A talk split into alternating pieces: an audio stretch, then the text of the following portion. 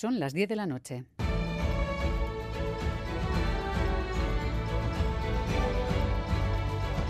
Radio Euskadi y Radio Vitoria. Servicios informativos.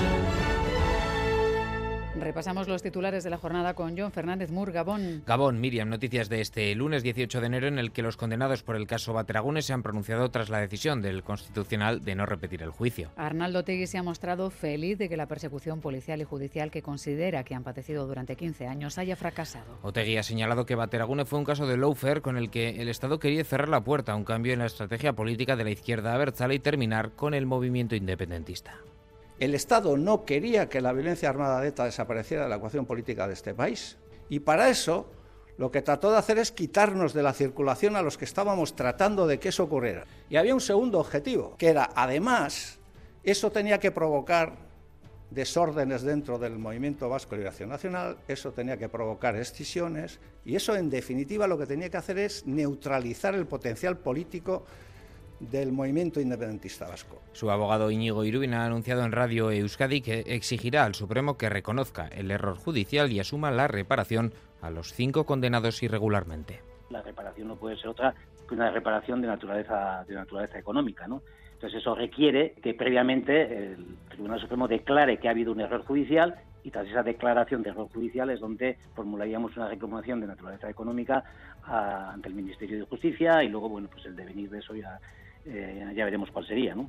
Enfrentamiento entre la vicepresidenta y ministra de Transición Ecológica, Teresa Rivera, y el consejero delegado de Repsol, Josuyon Imaz. Después del discurso de Imaz en Davos, en el que ha criticado la manera en la que se enfoca la descarbonización, Rivera ha criticado con dureza al consejero delegado de Repsol por cuestionar las políticas contra el cambio climático. Le ha acusado de negacionista y de populista interesado en generar una reacción en contra de las políticas de lucha contra el cambio climático y desgraciadamente, aunque él personalmente sabe que se necesitan, es una manera clásica de negacionismo y retardismo, cosa, como digo, que nunca hubiera esperado. Yo por el señor Joshua Nemaz tenía un gran respeto y me parece crecientemente decepcionante, me parece populista el mensaje.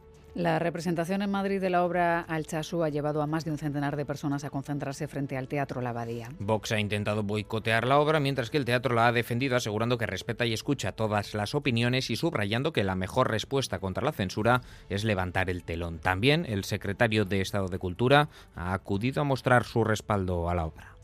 Pues realmente es un despropósito y no es más que un, uno más de esta batalla que Vox y en algunos casos con la complicidad del Partido Popular está haciendo para que algo que parecía ya desterrado en nuestro país, que es la censura, vuelva, uh, vuelva en España.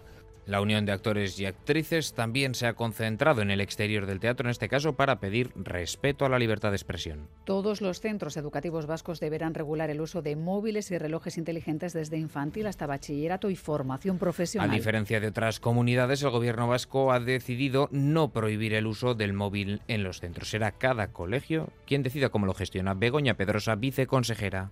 ¿Qué queremos con estas, eh, estas nuevas instrucciones?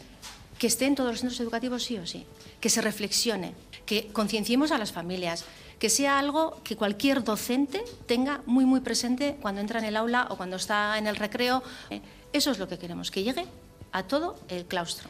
Y el Ararteco ha alertado hoy sobre la cantidad de cámaras de seguridad que nos graban en nuestro día a día. Manu Lecertúa ha dicho en Radio Euskadi que no debe haber control en todos los lugares a todas horas que no se utilice en todo el espacio público, en todo momento, que tengamos ese gran hermano, que en todos los momentos de nuestra vida, cada vez que salimos a la calle, nos están grabando. Eso se presta al abuso e infringe los derechos a la intimidad, a la personalidad y derechos que son fundamentales y que una sociedad democrática tienen que ser preservados. Según su informe, Vitoria-Gasteiz es la ciudad donde más cámaras hay en Euskadi, 600, y en relación a la población son abundantes estos dispositivos, por ejemplo, en Errentería, Zumárraga, Basauri o Hermoa. Es todo, así terminamos. Más noticias en una hora y en todo momento en itv.eu sin la aplicación ITV Albisteac.